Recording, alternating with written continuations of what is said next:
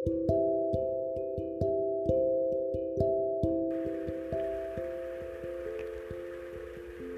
anak pertama itu gak enak. Kadang rasanya berat banget. Tapi gimana pun caranya juga Gimana pun situasinya juga Harus tetap bisa bertahan. Kasian sebenarnya Lihat anak yang masih kecil lalu punya adik Selalu dipaksa ngorbanin kebahagiaan demi sang adik Padahal dia juga lagi berproses dan lagi belajar memahami dunianya. Ibaratnya tuh ya, anak pertama tuh seperti tank di Mobile Legend.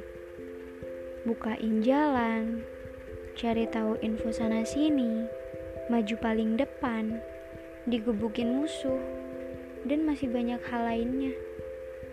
Ditambah lagi punya adik yang kurang bisa diandelin Aduh, pasti capeknya jadi double. Kasihan kan? Banyak ketidakadilan yang harus dihadapi. Dipaksa jadi yang sempurna. Tahan banting.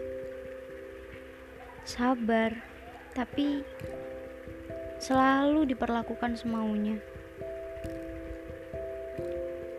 Soalnya tuh ya, ada yang bilang gini, kamu tuh yang bakal dijadiin panutan adik-adikmu.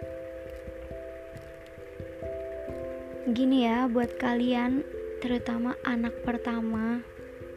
Ayo kuat, semangat, percaya deh. Beban gak akan salah memilih pundak. Kita yang dipilih, ya karena kita mampu. Bukan maksudnya anak kedua, ketiga, dan terakhir gak punya beban, bukan.